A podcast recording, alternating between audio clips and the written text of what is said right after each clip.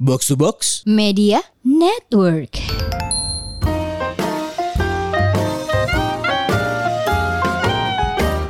HRD Bandung.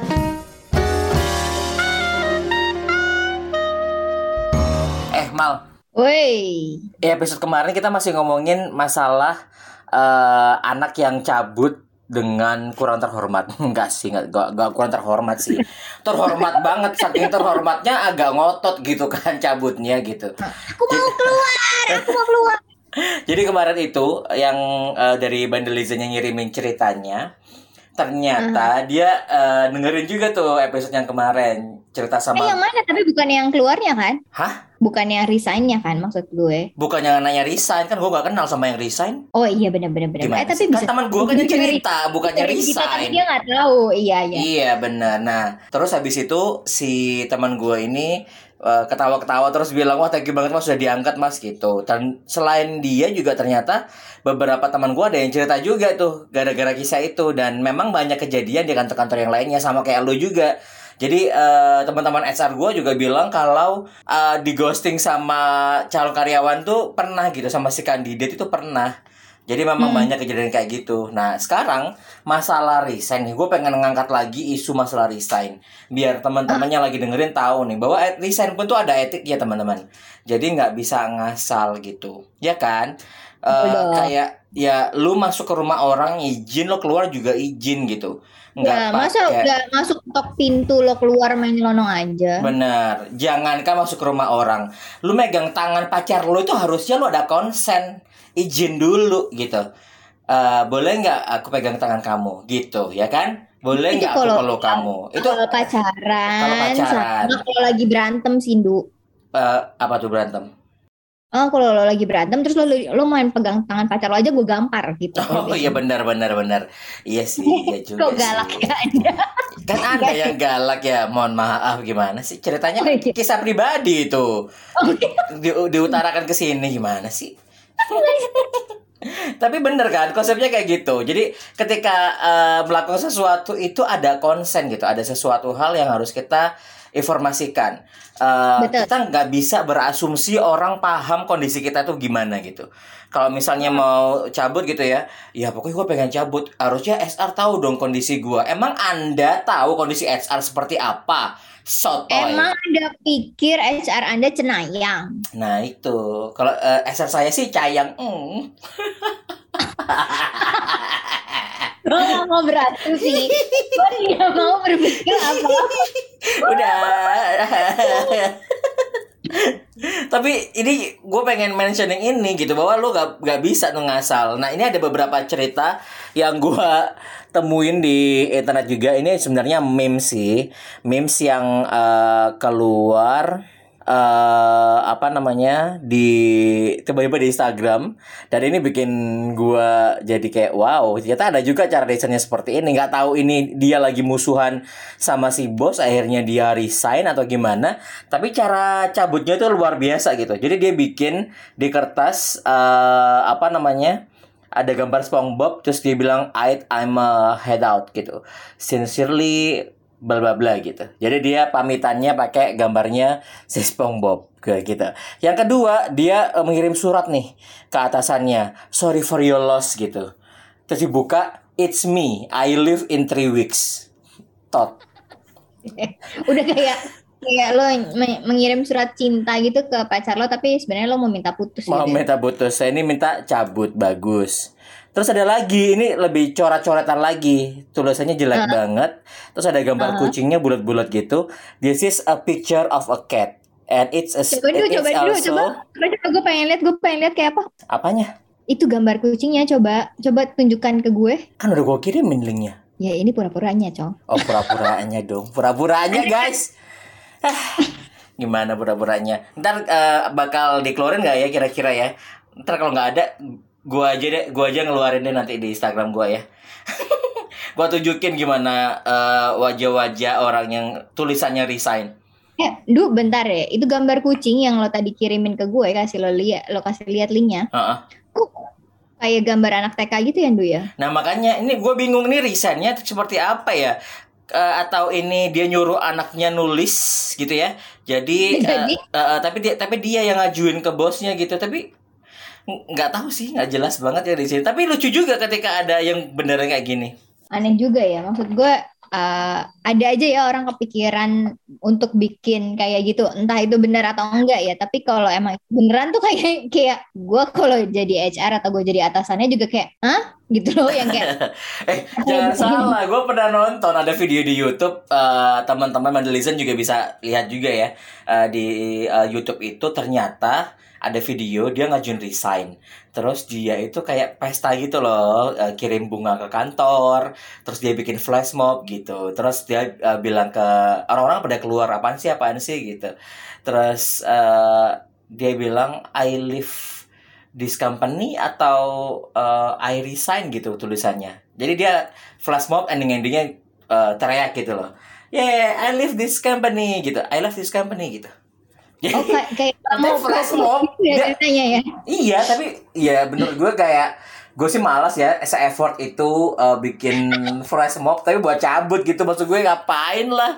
Atau nggak tahu sih dia kayak lagi dada dendam kesumat ke seseorang yang akhirnya Iya, bikin dia bisa bikin jadi. kayak gituan bener. Mungkin saking, saking udah kayak kesel banget kan orang-orang juga kadang-kadang mm, buat yang aneh-aneh tuh ya saking saking udah keselnya atau udah saking gak nyamannya ya gitu. Kayak jadi dia kayak selebrasi gitu ya gue akhirnya bisa keluar dari kantor ini gitu kali ya Hmm, bisa jadi kayak gitu juga. Macam-macam sih ya alasannya ya.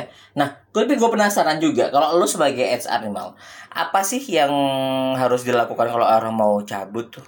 Sebaiknya, ini rekomendasi nih dari lu sendiri. Apa ya kira-kira? Kalau kalau gue ya dari pengalaman gue jadi HR yang pasti sih ya paling enggak gitu ya. Karena HR ini kan sebenarnya bukan bukan pintu pertama banget eh, karyawan untuk resign ya. Karena pintu pertama di atasannya gitu menurut gue. Cuma kan HR eh, akan jadi malah jadi pintu terakhir gitu ketika lo pada eh, karyawan tuh mau resign gitu. Karena kan apa namanya ya si atasan bakal uh, nyampein ke HR gitu. Atau mungkin si karyawannya langsung juga abis itu nyampein ke HR kalau uh, dia mau resign gitu. Dan kita yang meng- mengurus lah semua administrasinya. Pasti itu kan udah tanggung jawabnya HR lagi ya gitu.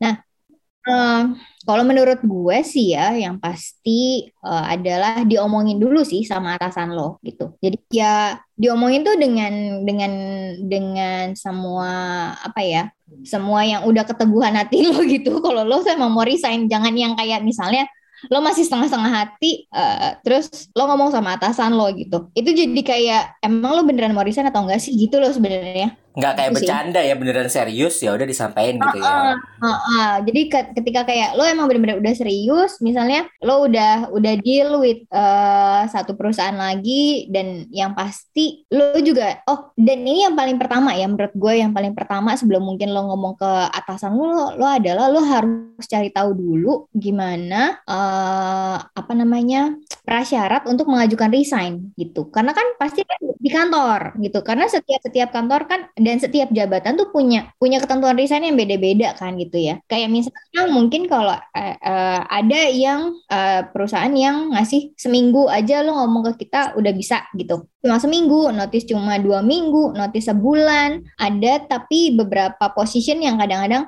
notisnya tiga bulan, ada yang notisnya enam bulan gitu. Ah, sa- something kayak gitulah, Nduk. Jadi yang itu yang maksud gue gitu, kayak kayak eh, teman gue aja ada yang dia cuma mau keluar project aja dan dia itu harus notice tiga bulan gitu. Cuma mau cek loh, iya, cuma mau keluar project loh. Padahal masih di company yang sama, cuma dia mau pindah project gitu. Itu harus notice tiga bulan loh. Hmm. Notice resign- itu maksudnya ngasih tahu ya guys. Yes, notice tuh maksudnya ma- ngasih tahu kayak eh, apa sih lu yang kayak woro-woro ya kalau kita bahasa gitu ya woro. Ah, Woro-woro dulu, terus Woro-woronya tuh biar ada jatah waktu untuk memindahkan pekerjaan kita ke orang lain. benar gitu. Jadi sebenarnya sih yang yang paling umum sih Warna ya notice sih. warna notice gitu ya. Woro-woronya kita satu bulan lah. Nah tapi eh, woro-woro ini bukan berarti cuma woro-woro doang kan, cuma omongan doang gitu.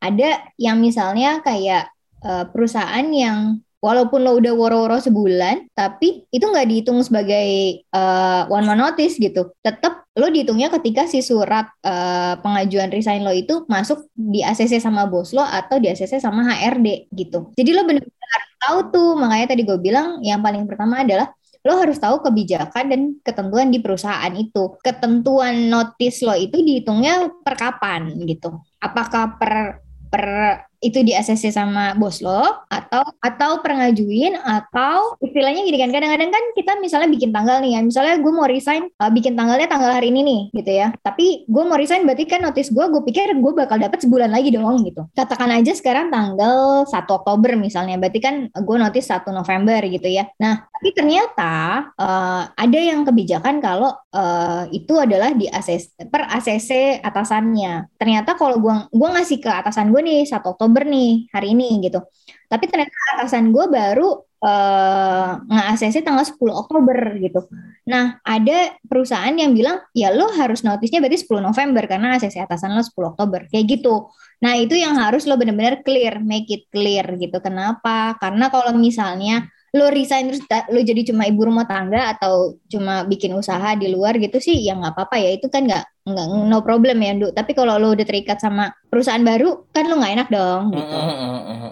ya itu pasti penting banget sih diingetin ya. Ya kayak kejadian iya. kemarin juga gitu. Dia ngomongnya buru-buru karena dia harus masuk tanggal sekian di perusahaan berikutnya gitu. Itu nggak ya. boleh banget sih harusnya nggak eh, nggak uh, nggak bisa dilakuin kayak gitu ya dan lo juga harus kalau misalnya emang lo lo pindah ke kantor lain ya lo udah harus uh, kasih tahu juga ke kantor yang sebelumnya eh, yang yang nantinya gitu oh ya gue punya punya one one notice nih gitu dan gue nggak bisa uh, istilahnya nggak bisa sembarangan lah sama itu gitu kan ya mm -mm. Mm -mm, ya, gitu benar, benar, benar. Terus uh, setelah udah bilang ke bosnya, udah tahu warma notice, ada lagi nggak yang harus kita ketahui buat cabut? Habis udah, udah misalnya kita udah tahu kebijakan perusahaannya, kita ngomong sama bosnya, pasti kan dari omongan itu baru kita ada kesepakatan ya gitu kan sama si bos gimana nih gitu kan. Biasanya sih bos nih kalau dari pengalaman gue jadi HRD ya, user-user gue tuh biasanya mereka maunya adalah ya para orang-orang yang mau resign ini mereka menyelesaikan dulu tanggung jawab kerjanya mereka yang lagi berjalan. At least entah memang kalau emang itu bisa diselesaikan dalam satu bulan, yang misalnya kerjanya rutin rutin gitu ya, itu kan biasanya bisa dalam satu bulan atau ya transfer knowledge gitu. Transfer knowledge yang kayak tadi lo bilang ya mindahin mindahin kerjaan gitu kan orang lain gitu. Transfer knowledge ke ya either entah ke temennya, ke peernya gitu rekan kerjanya atau ke bawahannya atau mungkin ya ke atasan lo mau nggak mau kalau emang nggak ada.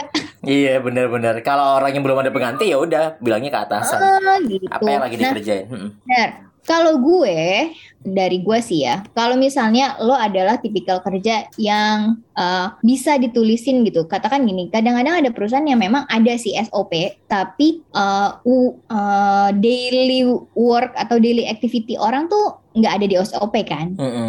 ya gitu ya. Nah itu kadang-kadang bisa kalau menurut gue itu yang bisa kita tulisin kasih catatan jadi itu jadi kayak harta karun untuk next selanjutnya. Jadi gitu nggak nggak nggak nggak perlu ngecek ngecek lagi ya tapi udah ada sendiri uh, drive-nya gitu dan tinggal ngasih aja nggak usah ribet-ribet nyiap nyiapin nice jadi kayak, nih nice insight banget ya, ya. nah as, as simple as kayak gini nih misalnya katakan gue dulu HRD ya. Gue punya satu uh, gue sebut merek aja ya uh, link berbayar job street, LinkedIn, job, uh, jobs DB gitu kan. Itu kan pasti ada username-nya, ada passwordnya gitu ya. Siapa yang pegang itu either gue atau bos gue. Bos gue nggak mau tahu. Itu pasti gue gitu kan ya. Bos pasti kalau mau buka itu dia akan nanya ke gue berulang-ulang kali dia akan nanya ke gue atau ya udah sekali dia save gitu kan ya. Nah, caranya gue untuk transfer knowledge gue gimana? Ya gue tulis gitu. Jadi gue punya catatan satu notes, yaitu nanti kalau misalnya gue resign, gue kasih ke yang lain, udah gitu loh. Jadi kita bikin notes gitu. Sama uh, misalnya lagi, gue biasanya suka nulisin siapa user gue di daerah mana, ini siapa, atas namanya siapa. Jadi PIC-nya tuh gue semua sebutin, gue tulisin. Jadi dan kontak-kontaknya tuh biasanya gue gue masukin juga. Jadi itu as is as, as simple itu kalau gue uh, katakan gue harus transfer knowledge gue ke orang lain ya udah udah langsung gampang gitu di di di, di gitu. Yes, yes, Kayak yes, gitu yes. sih. Ini Jadi, sih ini uh, uh, insightful buat gue pribadi karena gue nggak kepikiran sampai ke sana karena gue mikirin adalah gue sekarang gitu ya. uh, as uh, gue sebagai orang yang di pekerjaan saat ini jadi gue ngelakuin doang tapi benar juga ya karena kita nggak tahu kapan ada kondisi-kondisi yang memang kita diharuskan untuk melepas semua kerjaan kita di sini dan untuk mengalihkan ke orang lain juga. Jadi ini penting banget sama kayak uh, kalau kita di rumah uh, kenapa akhirnya kita perlu untuk punya tas sendiri yang isinya itu adalah obat-obatan, baju darurat, terus kemudian barang-barang kita yang penting kayak uh, apa namanya kakak dan lain sebagainya itu jadi ketika ada kondisi darurat uh, gempa atau tsunami atau apa pun itu tinggal boyong aja kan tinggal diboyong ha nah itu salah satu uh, istilahnya kayak preparation kita kalau ada bencana yeah. kan. Nah kalau ini prepare yeah. kita kalau mau cabut, jadi lo nggak perlu saat dalam warma notice lo nyari-nyari data dulu ya udah kerjaan uh, apa yang lo bisa kerjain bener. kan jadinya itu lebih enak. Iya. Hmm dan gue as a simple kadang-kadang gue kayak gini. Dulu dulu tuh uh, kerjaan gue tuh kan pakai share file ya. Di di satu uh, kita uh, ada file sharing lah gitu ya. Nah as as simple as like folder foldernya tuh pun gue kadang-kadang suka tulisin gitu uh, data apa di mana di folder apa lo bisa aksesnya gimana tuh gue tulis gitu. Jadi segampang itu sih. Jadi gua, karena gue berpikir waktu itu bukan untuk cuma gue resign tapi ketika misalnya something happen ke gue gue nggak bisa masuk gue harus cuti ya orang yang ngejalanin kerjaan gue tuh udah udah ada pakemnya gitu loh. Oh ini yang ini oh datanya dia di sini di sini. Bisa ter tracking dengan gampang gitu. Dan itu yang gue lakukan ketika gue resign juga. Jadi ketika gue harus transfer knowledge ke junior gue yang uh, selanjutnya ya dia udah dengan dengan gampang gitu. Oh ini udah ada ya di, di sini di sini di sini di sini semua udah tahu gitu sih. Benar benar benar itu enak banget sih lebih memudahkan.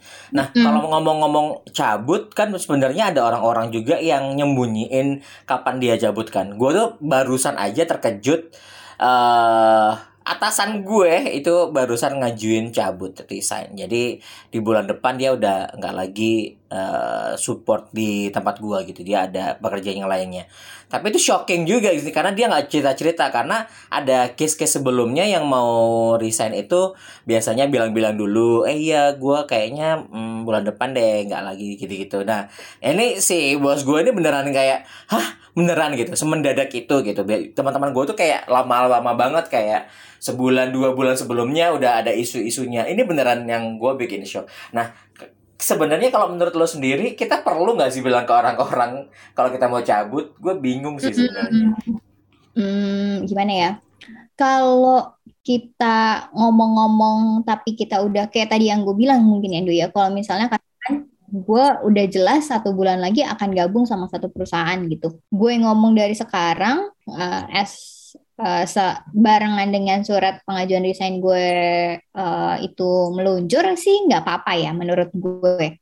Karena itu kan bisa jadi sosial sosialisasi juga atau sounding ke Eh, orang-orang uh, oh berarti siapa yang akan ngegantiin gue nextnya? Ke siapa mereka akan berkoordinasi selanjutnya? Kayak gitu kan. Atau tapi kalau misalnya, misalnya ini ya uh, apa namanya memastikan kayak uh, ada pengganti enggak dan sebagainya gitu kan? Uh, uh, uh, uh, iya. Jadi siapa siapa nih yang akan ngegantiin lo di posisinya gitu kan? Atau uh, jadi nanti siapa yang akan ngegantiin gue untuk uh, misalnya katakan kalau user atau klien gitu kan oh jadi siapa yang akan uh, koordinasi sama mereka lagi gitu kan ya. Kan itu sometimes itu dibutuhkan dan itu ya sebenarnya sih oke-oke aja. Tapi kalau ada catatannya kalaunya kalau lo belum ada nih tempat nya lu baru sakit hati doang dan lu cuma ngomong dong gue mau resign gue mau resign gitu kan. Itu ada kejadian Jadi, banget tuh. Temen gue tuh ada kejadian banget. Jadi dia udah nah, bilang resign. guys. jadi gue tuh gitu. udah uh, ngajuin uh, resign. Terus dia bilang gue kayak pengen coba juga deh uh, bulan depan deh. Gue ngikut uh, jejak uh, uh. lo gitu. Sampai gue di kantor ini dua tahun berarti dia nggak cabut-cabut loh. Iya kadang-kadang kadang-kadang malah orang-orang yang berkata ah gue mau resign ah gue mau resign gitu tuh kayak lo nggak akan pernah resign guys gitu. Kalau gue yang diem, ya. malah yang diem diem yang diem diem aja malah secepat itu dia iya gue besok uh, terakhir. Wah iya benar benar. karena sih. karena itu berasa sih di gue kayak kayak gini ya ini pengalaman pribadi gue ya. Dulu waktu gue lagi sakit-sakit hatinya sama perusahaan gitu ya gue kayak aku pengen resign gue pengen resign gitu. Dan sampai kayak mungkin bos gue juga bahkan udah udah udah dengar gitu selentingan selentingan nih anak nih kayaknya mau cabut atau gelagat gelagat mau cabut gitu. Tapi to be honest sa- satu sampai dua tahun kemudian gue masih tetap di situ gitu. Wow, bertahan itu, ya itu yang bun. terjadi ya. Itu yang terjadi ketika gue kayak masih sakit hati gue mau resign gue mau resign gitu kan ya di dalam hati gue. Tapi itu cuma kayak jadi omongan doang nggak ke mana-mana. Tapi ketika ya emang udah waktunya aja gue resign gitu ya kayak nggak ada angin nggak ada hujan tiba-tiba gue ngajuin aja gitu surat resign ke bos gue bos gue pun kaget kayak hah lo beneran nih gitu lo nggak ada gue nggak ada omong-omongannya sedangkan kinerja lo lagi baik-baik aja gitu Ya, ya kayak malah. gitu, gitu. Nah ini juga ini, ini, ini juga uh, yang perlu dijadikan catatan. Sebenarnya kita cabut itu pada saat kita punya masalah atau pas kita lagi baik-baiknya, ya nggak sih? Um, iya, ja- biasanya gitu ya. Tapi kalau menurut gue ya itu emang udah jalan orang ya. Maksud eh, kalau gue sih nggak nggak harus kita lagi ada masalah kita keluar karena kalau kita lagi ada masalah mungkin jadi kayak pelarian gitu kan. Kayak pelarian aja gue cuma lagi ada masalah gue gue cabut belum tentu kan di perusahaan yang selanjutnya nggak ada masalah gitu. Tapi kalau gue lagi baik-baik aja ya mungkin eh itu jadi kayak pemacu gue untuk apakah gue akan tantangan baru lagi di perusahaan selanjutnya kayak gitu sih. Benar, benar, benar, benar. Konyol juga ya. Kadang-kadang kondisi yang mau cabut ini juga naik turun juga. Kayak cabut, tapi gue nggak tahu ke depannya gue gimana. Tapi gue emosi sama bos, ya gitulah. Gak per, dunia pergalauan dari orang yang mau cabut. Nah, kalau lo sendiri, gue penasaran. Lo punya nggak sih momen-momen uh, lo resign dengan hal atau kondisi yang agak unik atau uh, ya ya bisa dibilang apa ya aneh atau sebaiknya nggak bisa ditiru sama teman-teman yang lagi dengerin sekarang.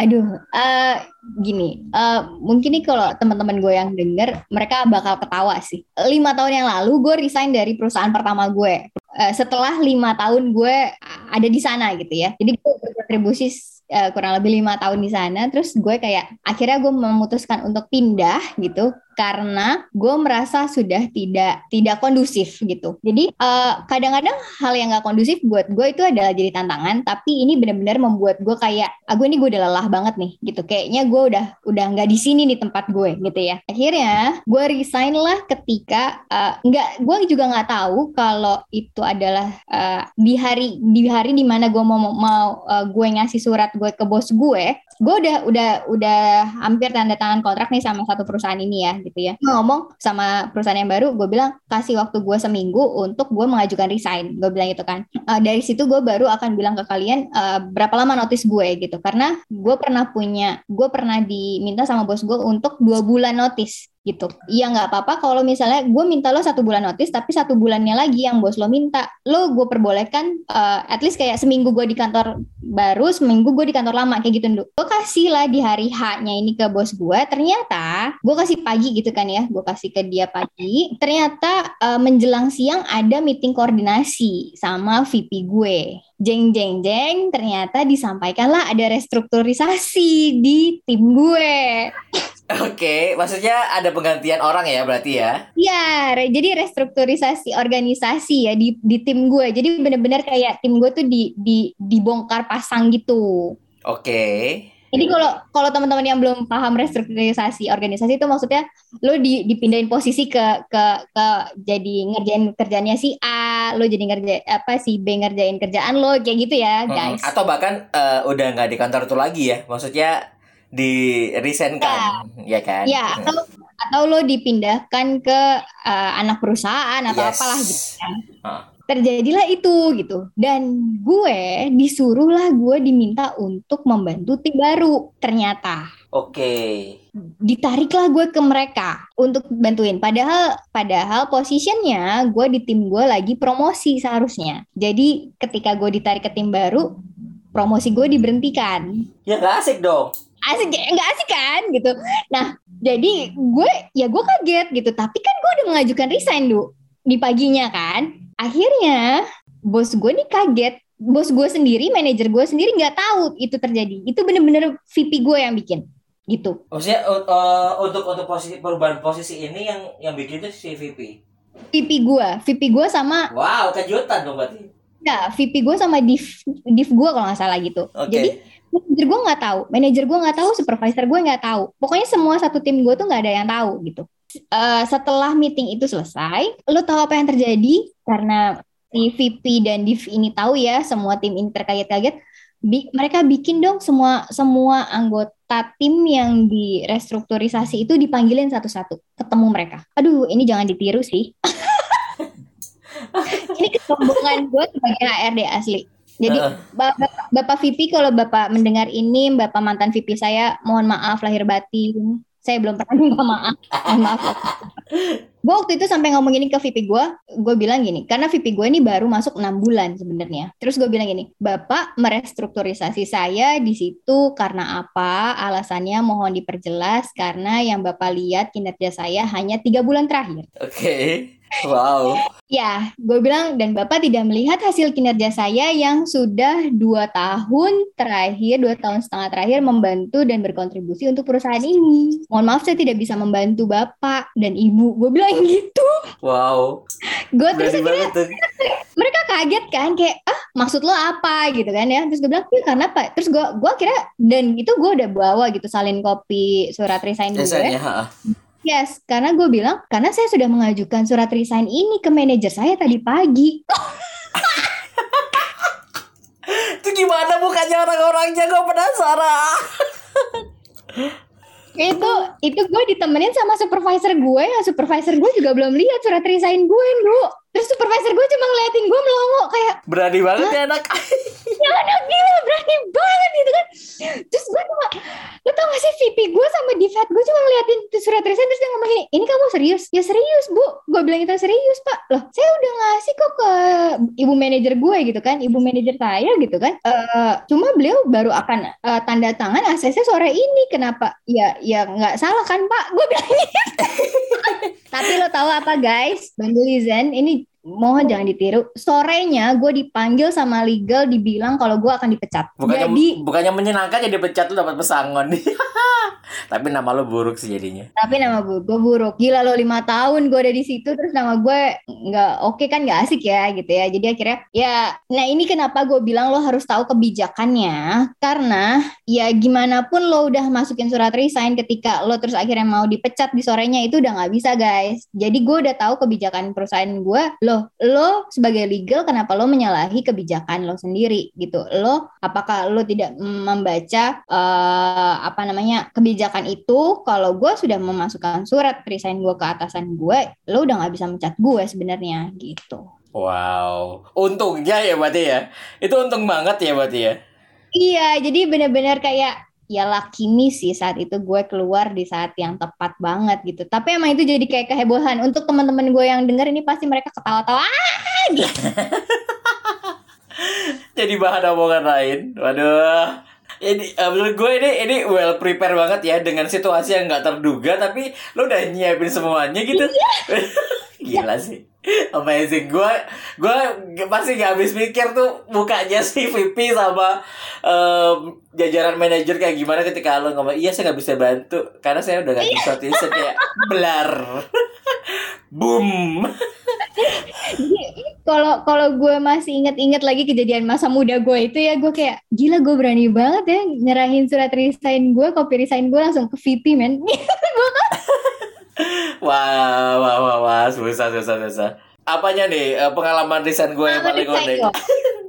kalau gue sih nggak unik-unik amat ya tapi menurut gue ini juga nggak patut buat dicontoh. Awal kerja di Jakarta uh, gue kan pernah cerita ya di episode sebelumnya kalau gue pernah jadi call center gitu di salah satu bank di Jakarta Terus kemudian uh, eh, gue nggak nyangka juga bisa terjun di dunia call center yang dulunya gue bete banget sama orang call center. Kalau sekarang gue hmm. hormat banget sama teman-teman call center yang gigih ngubungin orang-orang, nerima komplainan orang gitu ya penuh Jadi, kesabaran ya. Su jujur kalau kalau sekarang ada call center yang hubungin gue, kalau gue nggak mau produknya, gue akan bilang, Mbak, Mas, mohon maaf saya nggak menggunakan. Tapi Mbak gini-gini, mohon maaf ya nggak menggunakan, mohon maaf. Tinggal hmm. ngomong mohon maaf doang, mereka akan ngangkat sendiri gitu.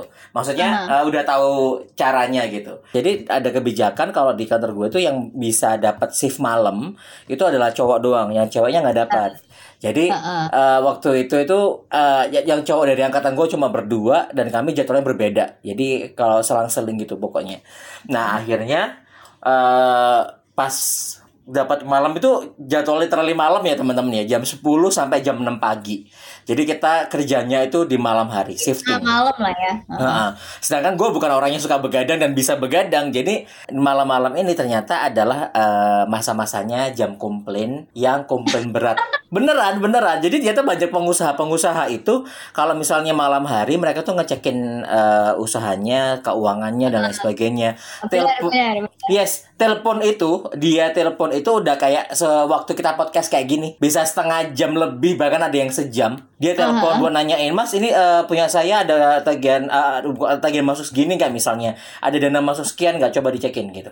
Jadi berapa angka gua? Waduh malam-malam disuruh ngitung ya kan duitnya bukan duit gue gue yang salah disalah-salahin. Ah gue apa lagi deh gitu. Jadi se- eh, dari situ dari eh, malam eh, keempat itu gue udah langsung dalam hati gue gue cabut gue nggak bisa kerja di sini gitu akhirnya pas besoknya gue libur lusanya gue masuk tuh masuk ya siang jam eh, berapa waktu itu ya Eh, jam 2 sampai jam 8 malam eh 2 sampai 10 Keep malam middle gitu lah ya. Ah, middle gitu. Jadi nggak yang kena yang dahsyat-dahsyat gitu. Tapi pas pulang, gua sepulang dari eh, jam pulang, gua langsung naruh surat resign gua di mejanya si manajer. Terus gua nggak mau ngapa-apa ke teman-teman gua, gua nggak bilang kalau gua mau cabut, tapi dalam hati kan udah dongkol banget ya. Jadi mood seharian itu pas lagi masuk itu udah nggak karuan. Ya udah pokoknya eh, nyelesain kewajiban gua sebagai eh, call center ini gitu. Thank you.